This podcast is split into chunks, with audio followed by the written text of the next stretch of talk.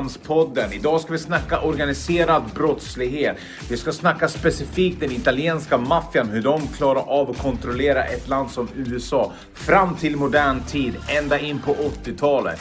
Vi kommer dra kopplingar, likheter mellan den organiserade brottsligheten i Sverige, det dödliga skjutvåldet. Det här, det är riktigt spännande.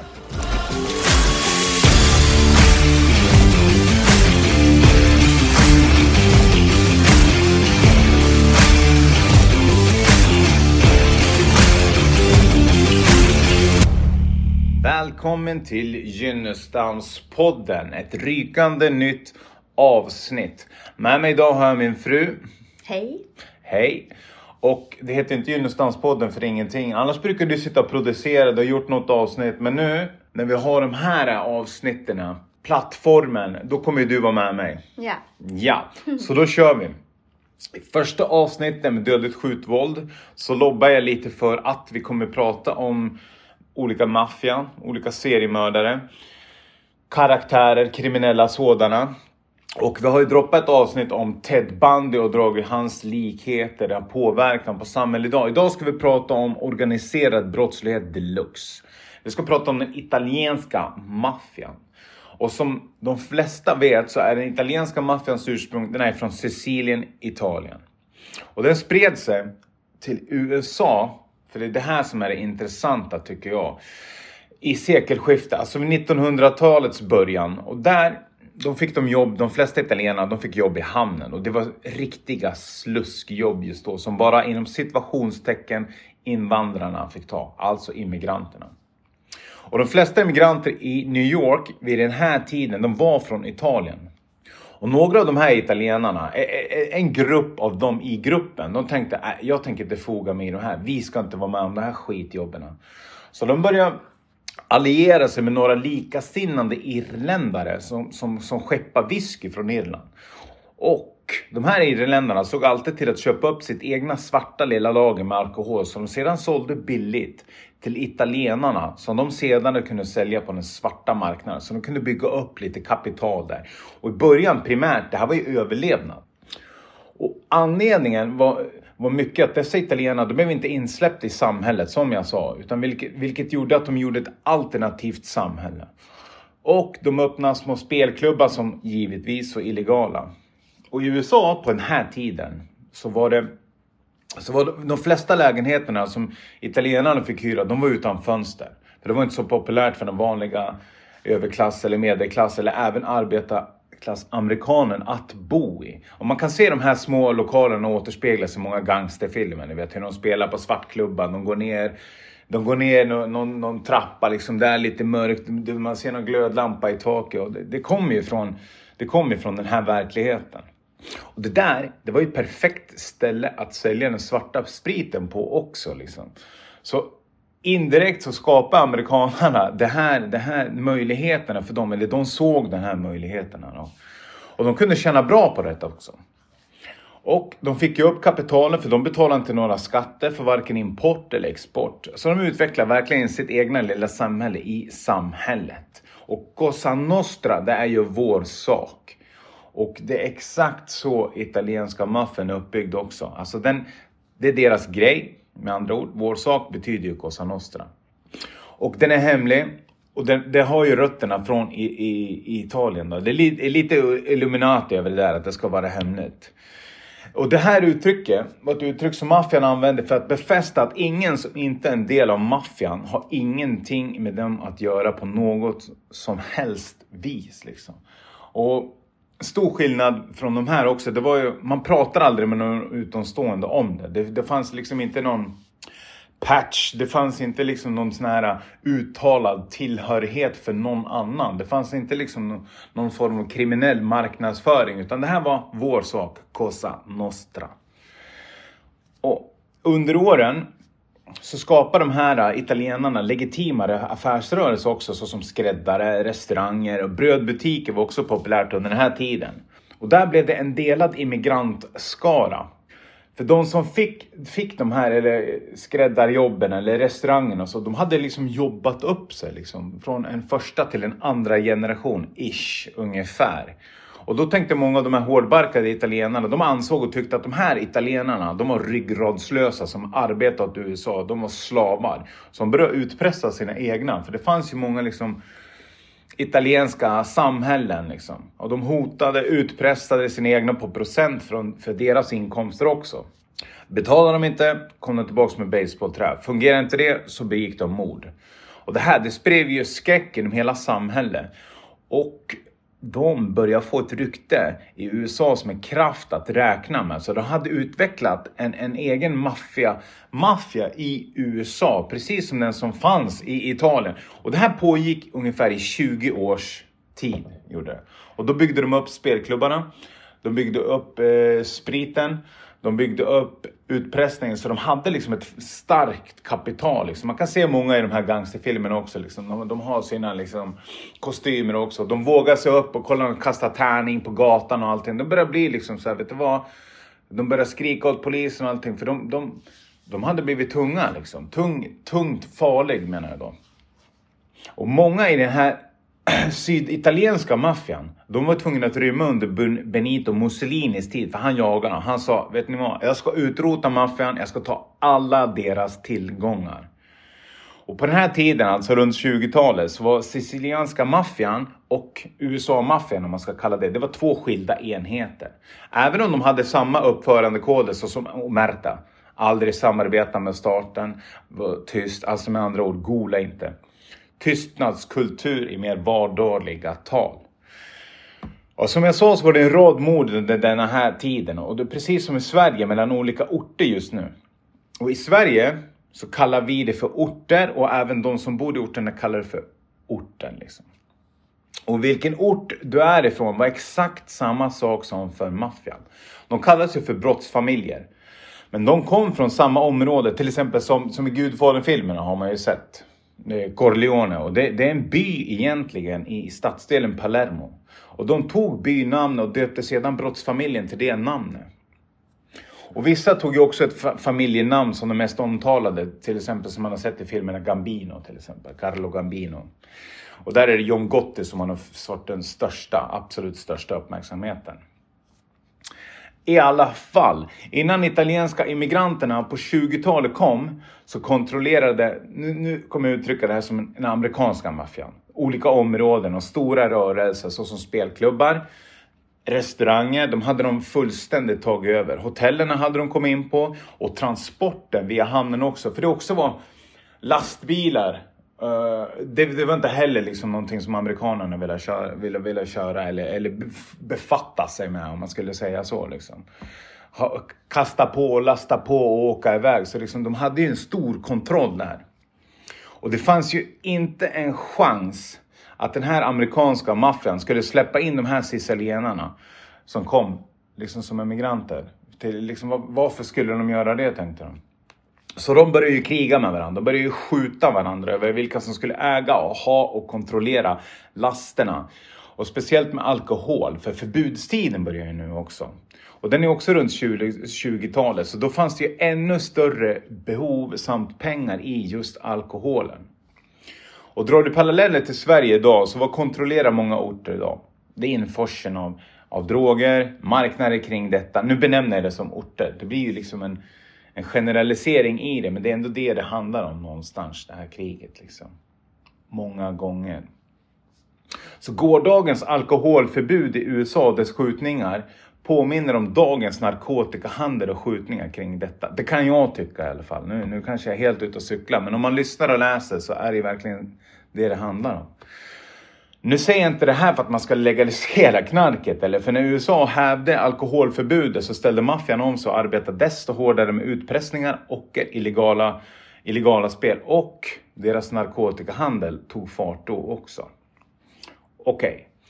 Fortsättningsvis är det främst ett krig som pågår inom den italienska och amerikanska maffian pågår.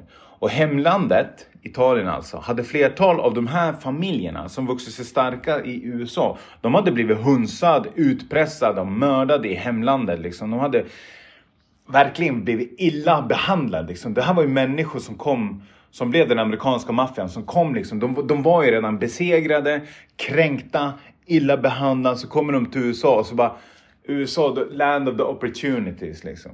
Då tänker de att vänta, vad händer? Ska vi komma hit och så ska de här behandla oss så här också? Aldrig i livet liksom. Förstår du? Så det fanns ju liksom en, en kollektiv kraft i de här människorna som blev. Det var ju uppror, det var ilska och uppror liksom. Okej. Okay. Och i Italien på den här tiden, alltså innan de här italienska maffian kom till USA, så hade den sicilienska maffian utvecklade sig. De hade blivit en del av samhället genom att de främst hade citronodlingar, restauranger och skräddare och så vidare. Så därför eskalerar ju morden radikalt i denna krig. För, för, marknaden blev ju ännu smalare. För, för de, de fick inte heller tillträde, de här sicilienarna som kom. Liksom. Så vad, vad, kunde de göra? Ja, men de hade ju fortfarande kontakter hemma via sin familj som kunde skicka och lasta. Men så står amerikanska maffian där, vänta, vänta, vad är det här för laster? Vilka ska ni? Ni har ingenting här att göra.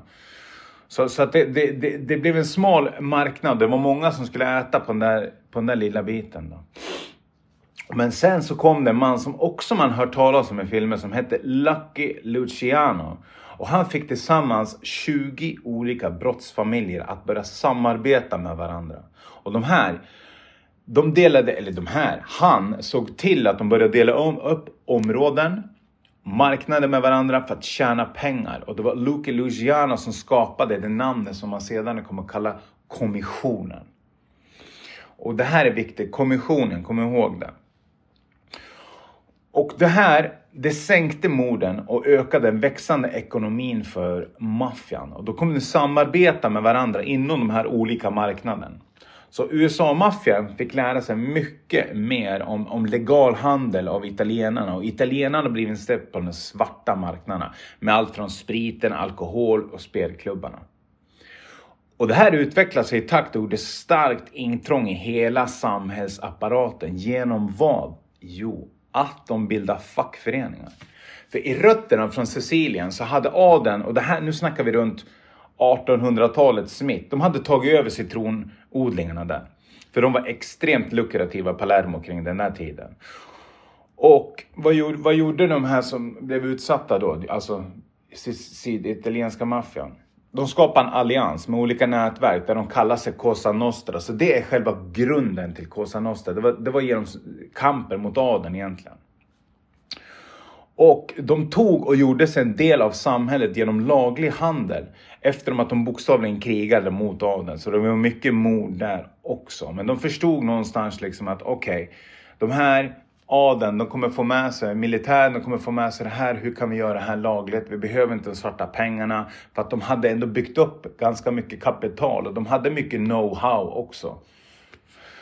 Ja, så de hade ju med sig en extremt stor kunskap av laglig handel samt hur man kan organisera sig lagligt mot just arbetsgivare. Så de skapar ju, kan man säga, de första fackföreningarna egentligen i Italien, om man kan nämna det så. Jag menar facket idag är till för arbetstagare som du och jag.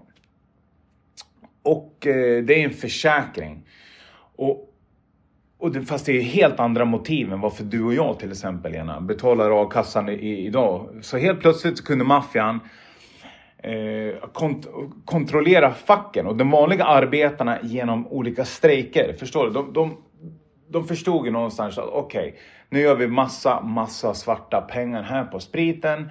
Nu, gör vi, nu har vi liksom kontroll på lastbilarna, vi har kontroll på hamnjobben, vi har kontroll på de här restaurangerna. Förr eller senare liksom så kommer det här att växa och de har med sig den här kunskapen liksom, från, från, från Italien. Vad, vad är det som kommer hända? Och staten kommer gå in. Så det var det här som liksom, här sicilienarna kunde bidra med USA-maffian när de hade möten. Vid kommissionen. Då. Så då tänkte de, okej okay, vad ska vi göra? Ja, i Italien gjorde vi så här. Så de, så de kollade helt enkelt upp i USA vad som var, vad som var tillgängligt, vad, vad man kunde göra och inte göra. Och då skapade de fackföreningarna. Är du med? Så då fick de ju in alla de här vita pengarna och också så sa de åt alla arbetare, även icke-italienare med andra ord. Liksom. Precis som du och jag, a facket, a-kassa och facket idag. Så de fick ju med sig, så fick de betala en liten, liten bit. Precis som man gör idag. För arbetsvillkor. Men, och, och, och, och motivet bakom det här, det var ju egentligen att... Ja. Eh, om maffian ville genomföra något, till exempel om mer betalt för transporter för lastbilar från hamnen och importörerna och företagen omkring detta. Om de sa nej, vad gjorde de då? Äh, de utlyste en strejk bara. Då gick de ut till sina arbetare och sa, vet ni vad? Eh, de, de, kommer inte betala oss de här pengarna. Det här gör vi för er som arbetar. Ska ni verkligen ha det så här? Förstår du? De, de gjorde ju liksom eh, alltså demokratiska uppror officiellt. Men inofficiellt så var det att de ville tjäna mer pengar. Så det här var ju, nu är det verkligen, förstår du? Nu har de verkligen gjort intrång i statsapparaten. Och vad händer då när de utlöser strejk? De fick inga laster, de här importörerna. De strypte pengarna. De tvingade många branscher att betala hutlösa priser och de kom undan med det lagligt. I vissa fall så förstod de ju självklart att vi kan inte ta ut mer priser. Så då, vad gjorde de då? De såg till att råna lasterna istället. Det har man också sett. Om man kollar på Godfellas, maffiabrödet till exempel. Då går de ju in liksom. Då har de ju kontroll på flygplatser och lastbilar och allting. Och många gånger är de här lastbilarna, de lämnar bara över nyckeln. Och så bara okej, okay, vill jag slå dig nu? Okej. Okay. Så slog de sönder ansiktet på dem lite. Men, men vad spelar det för roll? De fick ju massa pengar. Och USA, de börjar ju fatta det här liksom. Det är klart de gör det. Nu snackar vi alltså regering och så. Och de stod handfallna ganska länge inför det här. Och FBI's Edgar Hoover, han sa länge att de italienska maffian, de här jävla gangstrarna, de är inget problem. Men det jag tror egentligen var att de inte hade någon lösning på det här. För det var ju en helt annan form av intelligent kriminalitet som hade vuxit fram. Det är som jag säger, det, det, är väldigt intelligent att, att göra så. Det blir en del av statsapparaten. Helt plötsligt släpper de in det, pang, så styr de den.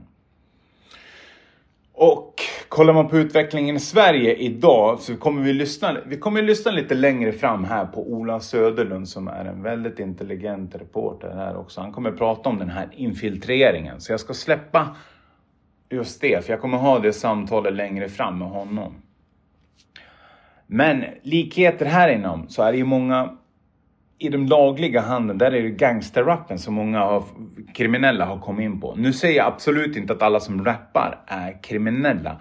Utan det jag säger är att många kriminella har fått en stor genomslagskraft. Och det här har ju också Sverige parera med. Det resulterade till exempel att musikförläggarnas pris slutades utdela till, till de dömda samt brottsmisstänkta artister. Lite som i förbudstiden i, i, i USA med alkoholen. Men släpp, släppte de loss alkoholen igen.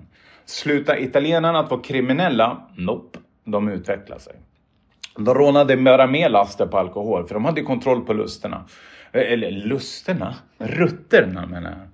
Och många gangsters själv, som jag sa, körde i lastbil. Så det framstod inte som rån. Okej, okay, med det sagt, kommer de som är kriminella och rappa sluta vara kriminella för det här förbudet? Nope. Men min starka åsikt är i alla fall att det är åt rätt håll. Och vad har hänt i, i Sverige också? Många av de här svenska rapparna har ju utsatt varandra för hot, utpressningar och även i mord. Och jag var inne på det här lite tidigare, vad det är som händer i, orter omkring i Sverige. De skjuter varandra hejvilt. Så frågan är egentligen, när kommer det komma en Lucky Luciano i Sverige och få alla de här orterna att samarbeta? Kommer det hända eller kommer det inte hända? En avsevärd skillnad där och då var ju att många inom det här italienska samhället, att de, de, de kunde finna anknytningspunkter via hemlandet, kulturen och språken. Och det gjorde ju också att, att de inte släppte in någon som inte var italienare i maffian. Den amerikanska maffian, i vissa fall då, då kunde de släppa in någon som var halvitalienare om, notera, mamman var från Italien. Och där är det ju väldigt stor skillnad mot svenska samhället Då. De som skjuter idag, det är inte bara svenska nordbor eller annan etnicitet. Men det behöver ju knappast vara, vara ett incitament för att de inte ska samordna sig. I det här fallet, i den svenska problematiken, så kan det ju vara gangsterrappen som förenar dem. För där finns det ju väldigt många likheter i form av uttryck, symboler, sätt att se på, stam, sätt att se på samhället. Men vem vet också, det kan ju lika väl... Det fanns ju det här hiphop-kriget också i USA. Om man kollar när eh, 13 september 1996 så blev Tupac mördad och sen blev Biggie Smalls mördad och så blev det massa skjutningar och sen så liksom rann det ut i sanden. De som hade sina pengar, gjort sina pengar inom musikbranschen där, de drog sig iväg från, från de här gangstrarna. Men det var lite häftigt och lite coolt att hänga med gangstrarna tills folk började dö. Så det behöver ju inte bli så heller. Det här kan ju lika väl rinna ut. För det finns ju också de, eh, de parallellerna med USA. Och det här var ett väldigt, väldigt långt utlägg kan jag säga nu. Så efter det här världens längsta utlägg så är det intressant att höra nu Jenna. Du är en kvinna som har jobbat som lärare hela ditt liv. Du har aldrig varit in, inne i någon organiserad brottslighet i någon form av kriminell värld whatsoever. Vad, vad, vad, känner du? Vad kommer du i kontakt med? Liksom? Du representerar nu den, den, vanliga människan i det här samtalet. Mm. Och jag representerar ju tyvärr den andra sidan tydligen. Mm.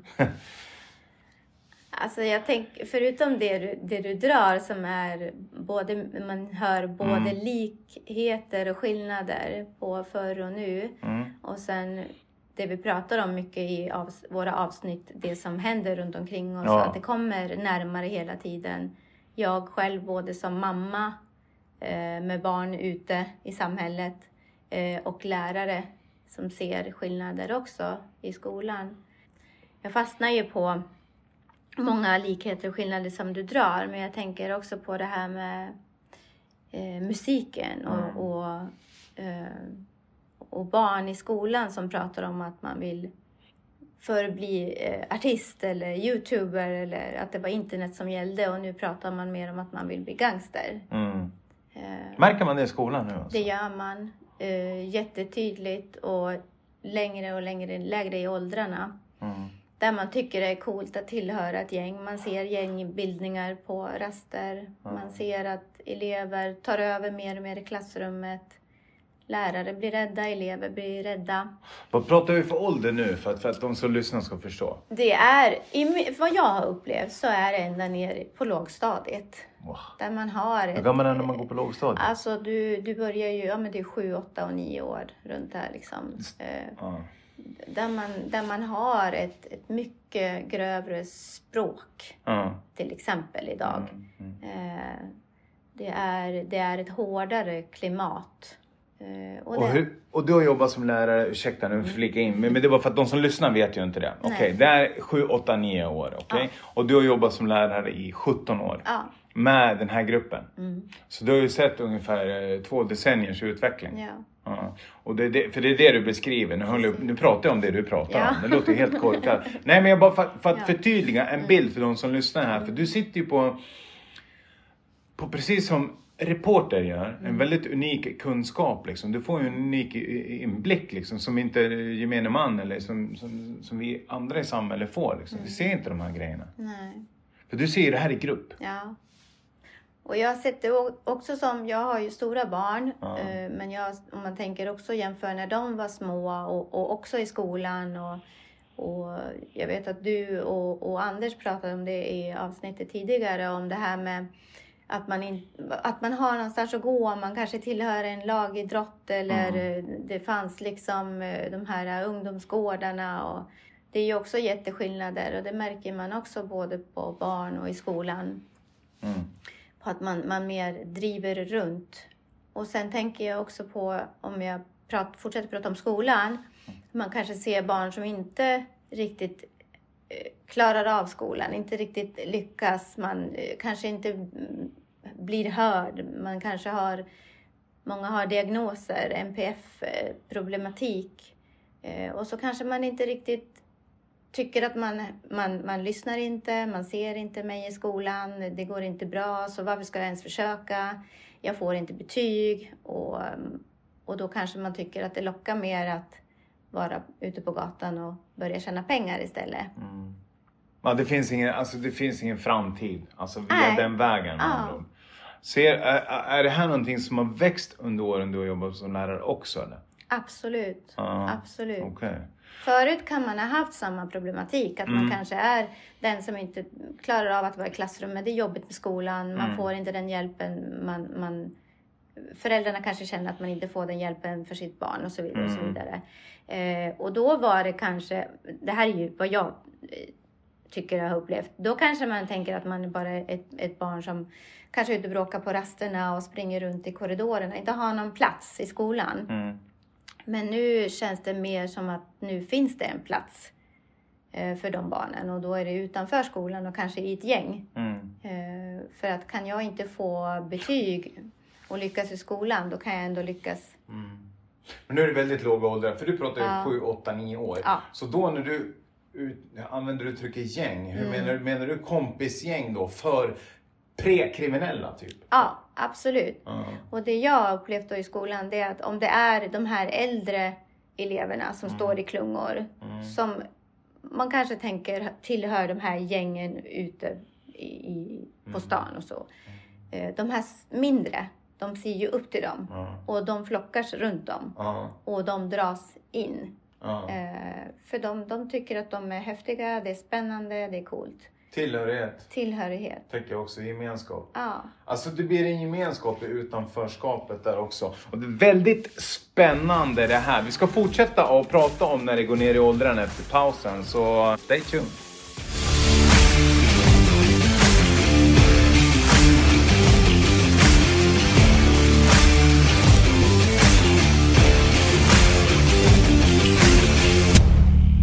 Gynnestamspodden är tillbaks här, precis som vi har gått någonstans. ja, exakt. Ja, okej, vi pratar organiserad brottslighet idag. Nu har vi pratat om dess uppkomst, vi har pratat om maffian och vi har pratat historik här nu. Jag tänkte, vi vet vad det är, men hur man definierar det här enligt samhälle, det kan vara intressant för alla som lyssnar att veta. EU har kriterier för organiserad brottslighet. Jag tänkte, jag ska dra dem här nu så vi har med de här punkterna i bakskallen innan vi fortsätter om att det går ner i åldrarna. Så minst sex av de här kriterierna ska uppfyllas enligt Europeiska unionen för att det ska röra sig om organiserad brottslighet. Och punkt 1, 3, 5 och 11 som jag läser upp måste vara uppfyllda. Så jag drar om nu. 1. Samarbete mellan fler än två personer. 2. Egna tilldelade uppgifter åt var och en. 3. Lång eller obegränsad utsträckning i tiden. 4. Någon form av disciplin och kontroll.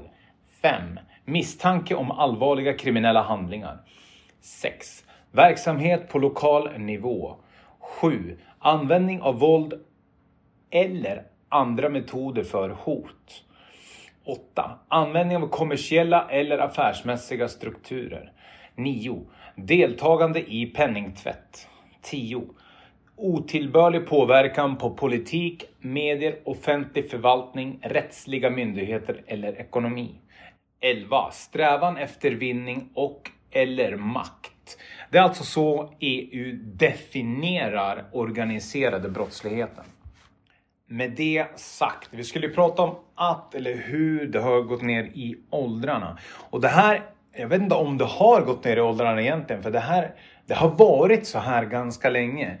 Om man Ta den här gangsterfilmen i Godfellas, Maffiabröder som jag var inne på. Den är baserad på en sann historia. Den handlar om Henry Hill, huvudkaraktären. Där får man se när han redan som liten han får alla möjliga uppdrag. Bland annat uppdrag att han ska tända eld på, på en massa bilar så att, de, så att de sprängs. För att liksom visa att han är en del. Han är, han är på väg in med de här. Han ska bli en, en made man i slutändan. Och det finns en annan film som också porträtterar det här ganska bra. Det är du inne på, liksom att, de, att man vill hänga med de här uh, som är lite tuffare, häftigare, lite coolare, lite, lite mer inne. Och då kollar vi, kollar vi på filmen I skuggan av Bronx med Robert De Niro. Så är Robert De Niro pappan då. Och han är busschaufför. Han är en laglydig, fin man som umgås med, med, med sin fru och barn då liksom. Och pojken där, han ser inte upp till hans pappa, busschaufför, bor i de här italienska kvarteren. Han tycker om de här gangstrarna som glider in i värsta bilarna. De har värsta kostymerna, de har allting. Han tänker, sån, sån ska jag bli. Liksom. Det där, det där, det, det är sån jag ska bli. Men för att komma dit så, så krävs det att man gör saker också. Så, så är det ju, ingen snack om saken. Liksom. Du kan inte bara bli en gangster. Och vi var inne på kriterierna här, liksom, på tal om våld. Idag i svenska samhället så finns det ett uttryck att det kostar bara fyra år för att bli en så kallad hundragubbe. Och det uttrycks som en symbol för att man är någon. Och det här är ju någonting som börjar bli, eller är, skulle jag vilja säga, rikstäckande nu för hela Sverige. Och det här fyra år för att bli en hundragubbe, för någon som inte vet vad det uttrycket är, så betyder det att för att begå ett mord när du är under 18 år så får du bara fyra års straff. Det är maxstraffet. Liksom. Och då, då känner och, och, och, och förmedlas det av främst de äldre då att, att man ska göra det här. Tänk dig, det är bara fyra år. Fyra år för en hundragubbe. Sen kommer du få ut, det kommer liksom, de lockar med allt ifrån pengar, status, mm. identitet. Alltså att de ska bli någon. Identiteten blir ju liksom kolossal. Mm. För det är jättehög status i, i den kriminella världen att döda någon. Och jag, jag tänker på ett, eh, på en skjutning i förra året i, i Malmö. Inne på på varuhuset, Emporia, det var det en 15-åring alltså. Mitt i ett varuhus som går fram där och skjuter ihjäl en 31-årig man. Mm. Och den här 31-åriga mannen, det är, ju, det är ju inte vem som helst som han skjuter heller. Liksom. Mm. Det handlar inte om att han ska bevisa sin lojalitet som man har sett i de här eh, gangstergängen i USA, i de här Bloods and Crips som var inne på tidigare med gangster, att gå, gå, gå och klipp på honom bara så får, blir du en del av oss. Mm. Det finns den kulturen också. Utan här, den här skjutningen handlar ju definitivt om att det ligger några bakom mm. det här. Det, och där kan man ju tydligt se de här kriterierna. Samarbete mellan flera personer, att de använder våld, de begår definitivt en kriminell handling, definitivt strävan efter vinning och eller makt och utsträckning över tiden. Jag menar den här, den här killen är ju 15 år mm. och jag menar då är tanken att han ska visa det här, han tar straffet, han kommer ut, han blir en del av någonting större. Och det är inte bara 15-åringar som utför morden heller. I, i det ögonblicket du trycker av och människor vet att okej, okay, det är den här människan som har tryckt av. Speciellt som i det här fallet, om vi, om vi tar det här i Malmö igen. Mm. För att exemplifiera hur det ser ut i alla liknande skjutningar, dödsskjutningar där man har använt yngre. För det, det, det, det är så det funkar. Mm. Jag tror knappast att liksom en 15-årig eller 14-åring eller 16-åring eller 17-åring har kopplingar till någon 30-40 år. Det är knappast att de liksom, nej vi har hängt och blivit lite ovänner. Den finns ju inte. Nej. Den är ju helt ologisk. Så det logiska är ju att det finns en organiserad brottslighet i bakgrunden. Mm. Såklart. Mm. Men med det sagt så är det ju inte bara det är inte bara mördaren och komma undan. Nej, men han, var, han var yngre, han blev utnyttjad. Absolut inte. Idag så blir, så blir 14, 15, 16, 17-åringar mördade själv också. Det ser vi ju hela tiden. Mm. Jag menar, det var ju senast i slutet av januari tror jag det var, så var det en, en 15-årig pojke som sköts till döds i, i Skogås centrum. Och han hade, misstänkte de också ha kopplingar till liksom en våldsvåg som pågår i, i, i Stockholmsområdet. Då. Och det är på grund av det här som regeringen i det så kallade Tidöavtalet bland annat har det som är på gång inom kriminaliteten om man säger så, det är att straffrabatten för unga samt straffmyndighetsåldern, den ska ju verkligen ses över och det har ju att göra med det här. Och jag tänker så här också, när, när man använder ett, ett barn, för det är det man gör, ja. om man är en äldre här, Eh, vi säger att det är några 35, 40 till sen vet jag här nu. Men som använder en, en liten och bara här kom igen brorsan, gör det här, det blir en del av oss, hej och hå. Han får vara borta från sin mamma. Han har knappt, knappt kommit in i puberteten eller någonting. Helt plötsligt är han en mördare. Helt plötsligt är han en måltavla själv. De som är kvar där ute då, de gör ju det här om man pratar om den här punkten 11. Eh, strävan efter vinning och eller makt. Liksom. Ofta är det territorium, liksom där är narkotikahandeln som de tar över. Liksom. De, de skjuter bort en stor spelare och så helt plötsligt så får de mer mark och så får de mer cash. Och jag menar det här är ju, det här är ju psykopater som agerar så här. Mm. Och på tal om psykopater och på tal om seriemördare som vi var inne på här också. Om man ska återgå till italienska maffian och, och främst då Gambino-familjen så fanns det en av deras hitman som var den mest skarpaste och han hette Richard Kuklinski, även kallad The Iceman. Och det är precis som jag säger, det är att vara en seriemördare, han lever ju inte just idag. Så att, så att det är någonstans där ribban ligger. Så jag tänker om man är yngre och tycker att det här är coolt och är hundra gubbe, fyra år, de tänker inte ens på vad de gör. Mm. Okej, okay, du ska gå in i organiserade brottsligheten där liksom vad är det för människor som är där inne? Ja, det är psykopater och får de tag i en seriemördare, de kommer använda honom. De kommer göra han till en aktad del av verksamheten. Varför? Jo, men det har att göra med att, att, att de har någon här, ah, den där kan vi utnyttja. Han begår mordet, han kommer ta smällen. Vi hovar in cashen i bakgrunden. Så det är ju liksom, det, det, det är en väldigt äcklig värld. Och, och, just han Richard Kuklinski som kallas för Iceman. Vet du varför han kallas för Iceman? Nej. För han tog hem, hade förvaring av de som han mördade, vissa av dem som han mördade. Och så fryste han ner dem. Och så de kunde ligga i en frys kanske 6, 7, 8, 9 månader. Så tog han ut dem sen och så kastade han dem ut. Och det var för att förvirra dödsorsaken. Mm -hmm. Så att han försökte hålla liksom likerna intakt. Och vad gör psykopater och vad gör seriemördare? De mördar. Och jag menar om vi ska gå tillbaks till den italienska maffians utveckling. Jag pratade om Luca Luciano här som på 40-talet bildade kommissionen. Då var det liksom ett 40-tal brottsfamiljer som, som blev kallad för kommissionen. Och den här kommissionen, den blev senare fem brottsfamiljer i, i, i slutet av 70-talet, början av 80-talet som styrde hela New York kan jag säga. Det, det, det är som jag säger att Manhattan, skyskraporna du byggde dem Och hur de har kommit dit under de här åren, det var ju precis som det, det där jag drog om allt, hur de bildar fackföreningar, strejker etc. etc. Enough said about that som man säger på engelska. I alla fall. Hur blev de fem familjer? Jo men de mördade ju, de slog ut de andra. Varför gjorde de det? Jo men de ville ha mer pengar, de ville ha mer makt. Och då har vi de här äh, fem familjerna senare. Columbo, du har Lucchesi, du har Genovese, du har Gambino och du har Bonanno.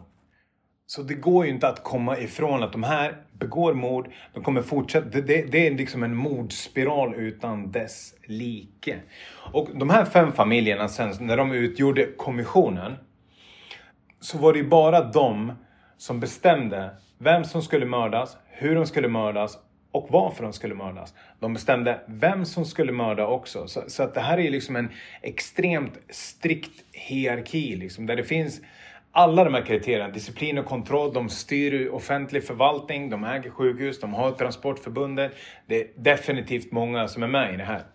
Och den mest kända familjen här nu, den, den, den är Gambino. Och det, det, är främst genom John Gotti. John Gotti har du ju sett på filmen och så också. Och det var han, när de började sätta dit de här, det var John Gotti och någon som hette, en, en kille som hette Anthony Ruggiero i alla fall. Och det, det de aldrig fick hålla på med, det som Luke Luciano drog in, det var, det var narkotikahandeln. Sen så blev det så här, vänta, okej, okay, vi ska försöka vara så rumsrena som möjligt. För de förstod, när de slog ut de andra familjerna, för att bli de här fem familjerna. Vad gjorde de då? Varför slog de ut dem? Pengar. De mördade dem, de tog pengarna. De mördade dem, de tog pengarna. Tills det är fem familjer kvar. Så de utplånade 35 familjer. Och all dess ekonomi tog de. Så de hade ju extremt mycket pengar. Så är det Så de tänkte okej, okay, vad är bad för business? Det är definitivt narkotika. Det är ändå liksom en viss annan gräns kan man ju lugnt säga hålla på med liksom svart alkohol. Polisen kunde se lite mellan fingrarna mellan det. Hålla på med cigaretter, ah, okej okay, det är bara cigg. Det är ändå lagligt. Förstår du vad jag menar? Ja. Så liksom, de blev någonstans rumsrena kriminella. Mm. Och, om man kollar och lyssnar på dokumentärer från den här tiden med de som jobbar mot dem. Och det var liksom också så att, nej men vad fan, de är inte så jävla farliga. Det gäller bara inte att ha någonting med dem att göra, etc. etc. Förstår du? Så de hade under den här tiden verkligen tvättat sitt rykte. I alla fall, tillbaks till John Gotti. Han och Anthony Ruggiero främst då, liksom de höll på jättemycket med heroin. Och när de började bygga upp ett åtal mot de här familjerna, då, då, då blev de ju tagna såklart. Och då hade de ju avlyssning och då visste, då visste John Gotti och den här Antonio Ruggiero att om han blir släppt från bollen nu på Castellano som styrde Gambino-familjen. Om han blir släppt nu, då måste vi döda honom för att annars kommer vi själv bli mördade. För det är sån strikt hierarki det var med de här bestämmelserna. För de får inte hålla på med narkotika. Så det var så det gick till. Så, så även om du var liksom på en hög, hög position, alltså du styrde liksom Bossarnas boss kallas han, på Castellano. De slaktade honom mitt på öppna Broadwaygatan alltså. Mm. De sprang från alla möjliga olika håll. Det var, det var han och så var det två till. Och de bara pepprade honom med skott liksom. Och det gjorde de också för att, för, att, för att de skulle komma undan med sitt egna liv. För de hade fått betala med sitt liv. Så det är ju liksom en, en verklighet att leva i den organiserade brottsligheten. Så det kommer sluta med att du är tvungen att döda. Eller det kommer sluta med att du dör själv. Förr eller senare så kommer du att få betala med ditt liv. Och det är en kriterie nummer 12 som jag, Fredrik Junestam, skulle vilja säga på den här EUs kriterier mm. över organiserade brottsligheten. 12. Du får betala med ditt liv. Mm. Okej. Okay. Vi ska fortsätta den här extremt spännande podden, tycker jag i alla fall. Eller vad tycker du, Jenny? Ja, absolut. Ja, fast nu är det ju bara jag som sitter och rapplar här så. Men vi ska göra det så vi hörs snart.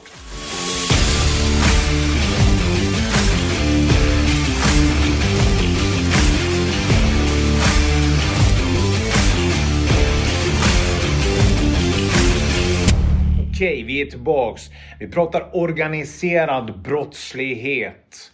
Och vi fortsätter nu. Och det vi ska gå in på nu också, det är hur man har störtat maffian. Vi har pratat om hur den kom till, vi har definierat det, vi har dragit paralleller, vi har dragit likheter. Och nu ska vi gå in på hur de störtar maffian. För det fanns i slutet av 70 och 80-talet som jag var inne på, så fanns det egentligen in, in, ingenting de kunde sätta dit bossarna för. Och det var ju bossarna högst uppe i de här fem familjerna. Vi pratar, nu pratar vi de här fem familjerna. Ja. Okay? Kommissionen. De är boss och under dem så har du en underboss. I sidan av dem så finns det något som heter consigliere. Det är bara att kolla på Gudfadern-filmerna. Ja. ja. Och under underbossen så finns det en kapten, olika, flera kaptener. Och så under dem så finns det soldater. Och soldaterna, det var precis som det hette, det var ju de som fick ut, de var, de var ju utförare om man säger så. Det var de som utförde liksom kommissionens ord. Så kommissionen agerar som en styrelse, som VDn gör på jobb till exempel. Och så går han igenom en dagordning, det här ska ske, hej och hå, och så kaptenerna runt bordet, de går ut till sina soldater, så utför de det. Så de stod ju handfallna, precis som han sa, J. Edgar Hoover där. Att det är inget problem sa han, men egentligen vad ska vi göra? De kunde inte göra någonting åt det liksom. För de, de, var, ju, de var ju liksom de var ju så långt ifrån brotten fast det var de som bestämde det här visste man. Mm. Så då kom de på, det var, det var egentligen en, en, professor från Harvard, han som kom på en, en lag som hette RICO. Mm. Okej? Okay? Och den här lagen hade funnits i tio år men de förstod inte hur de skulle tillämpa den. Och sättet att tillämpa den, det var ju att, att de måste få åtala dem som en organisation. Och för att de ska kunna åtala dem som organisation så måste de liksom ha alla de här uppgifterna, precis det som jag drog. Boss, underboss och de måste kunna koppla ihop de här som ett företag. Förstår? De måste kunna definiera att de tillhör varandra. Ja. Och eftersom de här som så många idag, man får inte gola. Vad händer om du golar? Ja, du, blir, du blir mördad, du blir hotad, det finns en tystnadskultur, etc. etc. Det som de kallar för omerta. Och det var ju samma där, men jag tror att den var ännu hårdare italienska maffian. För nu pratar vi om de som liksom styrde världens metropol New York. De kom åt folk överallt. Mm. Och på den här tiden så var det ju extremt vanligt att alltså, det kunde komma en, eh, en buss med poliser och mörda dig. Förstår du? Det, det, det, var på den nivån liksom. Mm. Så vad var de tvungna att göra? Avlyssning. Så de gick in stenhårt för att avlyssna. De kunde ha, enligt uppgift då, 500-600 avlyssningar per dag på olika personer, liksom hur de pratar. Så försökte de liksom koppla ihop allting som handlade om eh, Bonano, gick till den sektionen på polisen och allt som hade om Gombino etc. etc. Så de började kategorisera de här. Mm. Sen åkte de på en kurs i, på Harvard där och så förstod de hur de skulle liksom använda den här RICO-lagen också. Och i avlyssningen, det var då de fick, fick reda på att vänta, kommissionen, det hade de hört förut av informatörer och så. Men helt plötsligt så fick de höra det själv. Och då blev de så här, vänta, den här kommissionen den finns ju. Okej, vilka som tillhör där? Så vad var de tvungna att ha då? Jo, de var tvungna att definiera när de hade ett möte, nummer ett. Och det kunde de göra vid span. Så, då, så då, och de här mötena var extremt hemliga. Liksom. De hade ju, innan de hade möte, så under flera timmar så hade de liksom italienska spanare ute och kollade runt huset. Sen kom de från olika håll, liksom, bossarnas boss. Liksom. In där, hade möte och så bestämde de det de skulle bestämma, etc. Så att de hade fått ihop allt det här äh, mot den italienska maffian också. Men för att en jury ska kunna fälla de här och kunna ta deras pengar. För det, det, det var, det, var sån, det var en del av samhället. Förstår du? Det var en del av samhället. De hade restauranger, skräddare etc. etc. Så var de tvungna att bevisa att vänta, den här kommissionen begår mord. De beordrar mord. Så det de gjorde, det, var, det, var, det fanns ett jättekänt mord på en en av bossarna som tillhörde kommissionen som hette Carmen Galante. Och det här var 1979. Och eh, de visste, de visste att det var en soldat i, i, i en familj som hade utfört det här mordet. Och den familjen var Genovese-familjen. Och bakgrunden bakom det där mordet, det var ju att han, Carmine Galante, han ansågs där och då, 1979, som bossarnas boss av de här fem familjerna. Liksom. Och med mer bakgrund, hur har de blivit fem familjer? Jo, de har klippt alla andra familjer. Så han tänkte, han såg sig själv som nummer ett. Så han tänkte, okej. Okay, det här med narkotikahandel, jag vet att det kommer tjäna så här, så här. Så han började ju köra på med, med, eh, med narkotikahandel. Han, han körde över de andra kommissionerna. Och de tänkte, okej, okay, låt han vara och så. Det är ändå en boss. Han har ändå en hel crime family med sig. Och det fanns en retired boss alltså, som hade dragit sig tillbaks, som hette Joseph Bonanno. Som hade, och han var ju från Bonanno-familjen, Carmine Galante. Så han började ju prata med den här Genuese familjens boss liksom och tänka så här, du vet, fan det här är inte bra. Det här kommer göra att hela maffian, han förstör ju hela maffian liksom. Och det var där någonstans de liksom tänkte så här, vet du vad, du borde bara gå och ta det med de andra i kommissionen att ni borde ta bort Carmen Galante. För att ni måste mörda för att bevara Cosa Nostra, våran sak. Och Märta, håll er till koderna, ni kommer aldrig torska då liksom. Så vad händer? De godkänner det här mordet då. Och det slutar ju med att, att maffian fortsätter. De fortsätter göra sin eh, lagliga illegala handel om man säger så. De begår ju fortfarande mord, det är det som är så sjukt. Mm. Och, men det, det, det, är liksom så infekterat i samhället att okej, okay, de håller inte på med narkotika i alla fall. Vi låter dem vara, som jag var inne på tidigare i alla fall. Och det här mordet förblir olöst ganska länge. Men när de börjar med Rico, de börjar med den här avlyssningen och allting. Då har de Fat Tony som är eh, ledare för Genovese-familjen längre fram. På band när han pratar med Buffalo-familjen. Det, det, ja, från staden Buffalo alltså. Mm. Och då har de problem inom familjen och eftersom de vet att det här är en boss då, Buffalo-familjen som kommer till Fat Tony. Så säger Fat Tony, och det här får de på band och det här var devastating för honom. Då säger de Go back and tell him he's dealing with the big boys now, he's dealing with the commission. Mm. Och de där orden var så förödande. De var lika förödande som de har ett band med Chapo. Mm. När han pratar om narkotikapris, han pratar om kvalitet, han pratar om kvantitet. Mm. Och det, det, är inte längre än, vad tog det, 10 sekunder för mig att säga det där. Och när han säger det, då, då uttrycker han liksom att jag är en del av kommissionen, det är kommissionen som bestämmer och det är kommissionen som, som avgör vad som kommer hända. Liksom. Så de har det på, på, på band och då vet de också att det handlar om ett mord. Eh, ett mord som ska begås, ett mord som, som, som liksom senare kommer också ligga i underlag för den här, vad heter det, RICO-åtalet. Men i alla fall, de var tvungna att bevisa ett mord, så då bevisar de det här Carmine Galante-mordet. Och de hör också på banden hur de pratar. För tidigare hade de bara tänkt att nej men italienare de använder ordet fucking hela tiden och så där, det är inte så farligt och nej, jag ska slå på käften. Ja men det, det, var, det kan vara liksom sådär eh, slagsmål på gatan. Men, men mordet på Carmine Galante, nu pratar vi om alltså i, i Brooklyn att de sköt han 84 ingångs och utgångshål har de. Oj. Och det som också ligger till grund var att skytten inte var från, från samma familj heller. Vilket kännetecknar, betyder att de samarbetar familjerna över. Så hade, då hade de det, alltså nu pratar vi om bevisbörda, det är det vi är inne i. Och han som mördade honom har de på band.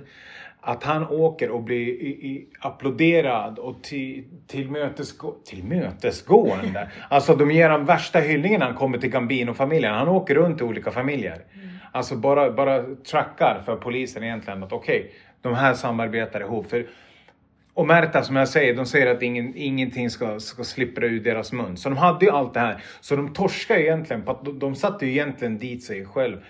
Alla de här via den här Rico. Och den här Fat Tony som sa det här, han, han torskade inte för mordet för han var ju inte chefen då över den här eh, Genovese-familjen när det här mordet ägde rum. Mm. Det var han inte. Utan han kom till makten 1981. Men i alla fall. Det jag har sagt om de här fem familjerna, vad, vad som gjorde att de tappade makten då, det var ju att de här bossarna, när de hade fått sin makt, så, så, så blev de, vänta, det här eh, kontaktnätet måste de behålla själva. Mm. För om vi säger så här, om vi säger att eh, vi har en grupp kriminella här. Ja. Och så utför vi brott. Och så har alla, alltså det finns någon form av demokrati i det. Förstår du vad jag menar? Mm. Alltså då, då, är man ju ersättlig helt plötsligt. Mm. Och jag menar om du kollar på de här gamla maffiafilmerna, det ser inte ut som idag. Det är liksom så här gamla gubbar som, hallå du skulle kunna knäppa dem på näsan så hade de kunnat ramlat omkull. Ja. Så, så det är inte liksom human eller våldskapital de har i sitt, sitt egna. Utan det är något annat, det är kontaktkapitalet som de hade. Så att de satt ju ganska, höll, höll sitt kontaktnät stenhårt. Mm. För som jag sa inledningsvis när vi började prata i det avsnittet, så gjorde de liksom eh, affärer liksom genom familjen. de hade fortfarande olika marknader. Och det här härstammar från början i sekelskiftet när det kom in. Mm. Så vad händer då när de torskade? De sätter alla de här på 100 år var. Mm. Ja, kontaktnätet försvann ju. Mm. Det blev liksom spridda skurar. Och finns maffian kvar nu efteråt? Absolut, den, den, den, finns ju kvar. Men är det en lika stark maktfaktor? Absolut inte. Mm.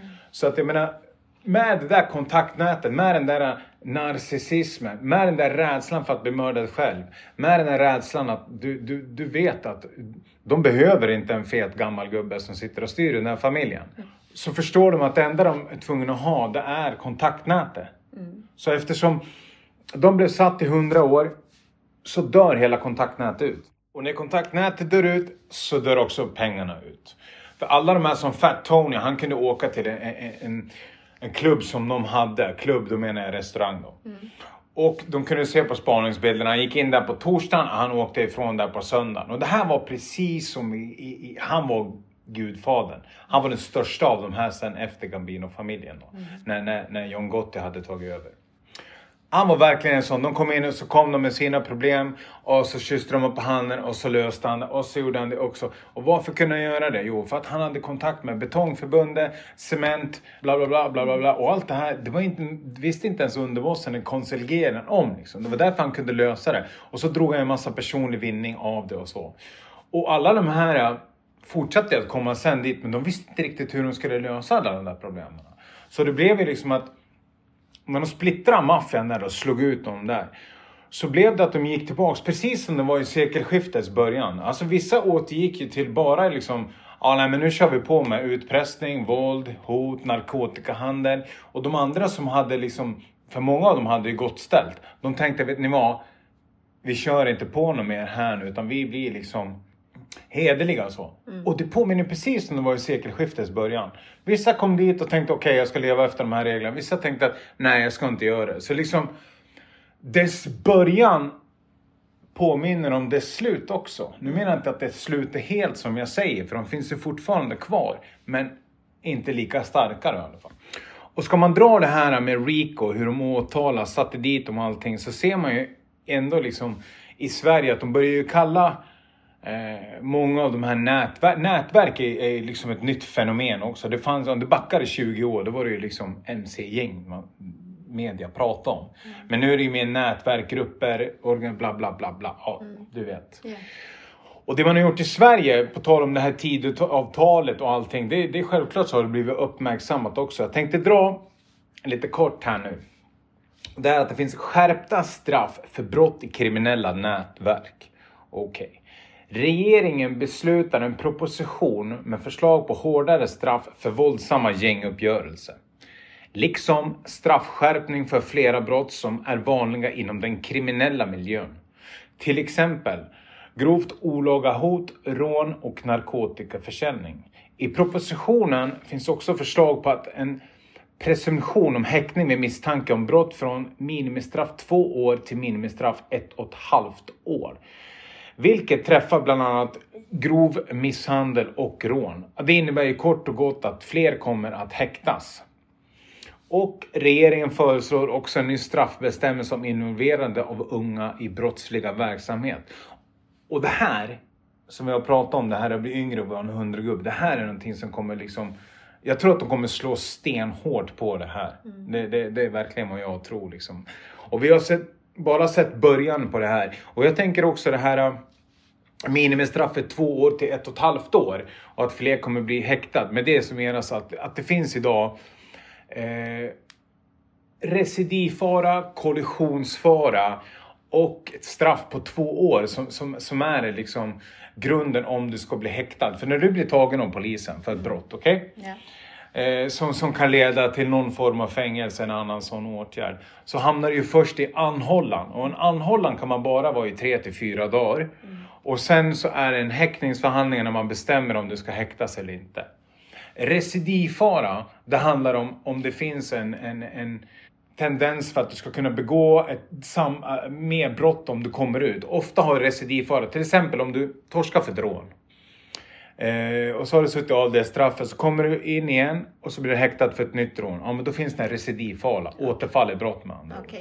Kollisionsfaran, det är precis som det låter. Det är om det är flera som är inblandade i det här. Om det finns eller om det finns i förundersökningen en fara att om du blir släppt från häktningen mm. så kommer du att förstöra förundersökningen. Mm. Då ska det ligga som underlag för, för ett berättigande att behålla dig häktad. Eller övergå till en häktning. Eller som det här är, om straffet kommer generera två år eller mer. Mm. Så det är det man är inne på här nu, att det här då, då, då, är det alltså kollisionsfara, recidivfara eller straff för ett och ett halvt år som ska vara skäl och också ett lagrum för att du ska vara fortsatt häktad. Och fortsatt häktad, det innebär också att att du ska vara häktad tills eh, domen har vunnit laga kraft. Alltså att du ska sitta i häkte fram tills fängelsedomen, fram tills hela verkställigheten. Verkställigheten, det är det som straffet är. Så det finns ju helt klart många likheter man kan dra. Och något annat jag tänker på. Nu har jag haft världens monolog poddavsnitt här med dig när du har flikt in och hjälpt till grymt bra. Mm. Så måste jag ändå säga så här, vad har jag fått reda på allt det här? All den här det är information jag, jag, jag liksom projicerar ut till alla ni som lyssnar. Jo, det är reporter och journalister som skriver om det här, som gör grävande journalistik etc. etc. Som gör att vi kan få ta en del av det här. Och det ska bli extremt spännande tycker jag. För nästa onsdag mm. så kommer vi ha en intervju Nej, jag ska inte säga intervju. Vi kommer ha ett samtal med en journalist. Och den här journalisten, han har jobbat i 35 år. Han, han har en väldigt unik inblick i allt ifrån kartläggning av brott till historisk utveckling till liksom den här kriminaliteten som, som liksom bara åker fram i en lavinfart också. För jag tänker, om man drar paralleller till liksom Narco States som Colombia, Pablo Escobar och, och definitivt Chapo också. Liksom det, det, är ganska känt där att där mördar de journalister. Varför mördar de journalister? För journalister sitter på många sanningar. Mm. Och det här är en skrämmande utveckling som pågår. Mm. Och, och, det ska bli väldigt intressant att ha med en journalist och prata om dem. All, den här organiserade brottsligheten, all den här utvecklingen. Och jag kommer även vara utmanande och ställa honom de här frågorna. Mm. Det kommer jag göra. Jättespännande. Mm. Och avsnittet efter det, för nu har vi liksom varit precis som i första avsnittet med dödligt skjutvåld. Där, där drog mycket statistik, drog en bakgrund så att liksom det ska finnas en plattform för, för liksom lekmannamänniskan och, och, och få en insyn insyn, insyn i den här världen. Så därför tänkte jag att veckan efter det nu, så ska vi ha Mitt liv som gangster här. Då ska vi få prata med, med, med en människa som verkligen har levt och andats den organiserade brottsligheten i Sverige. Och han kommer berätta exakt hur han har känt, vad han har upplevt, hur han har sett på samhälle, på människor, på att göra en kriminell karriär. Ja. För han handlar inte om kriminell karriär, för han handlar konkret om att göra en karriär. Och Det ska bli väldigt spännande, för ofta, ofta är det ju så, och även vi, så har vi ju liksom fått mycket insyn i anhöriga, hur de har känt sig. Och de är ju en extremt viktig del. Det är de som lämnas utanför när allt det här pågår. Och blir drabbade också. Så det ska bli väldigt spännande att få, få sitta där i förarsätet och få lyssna på det här avsnittet. Ja, Mm. verkligen. Ja, med det så kommer vi att avrunda det här poddavsnittet. Och vi tackar er otroligt mycket för alla kommentarer, för alla som har lyssnat, för alla stories som ni har lagt upp, för att ni verkligen gillar den här podden. Det uppskattar vi högaktningsfullt. Verkligen. Tack så jättemycket. Med det så säger vi stay tuned. Vi hörs snart igen.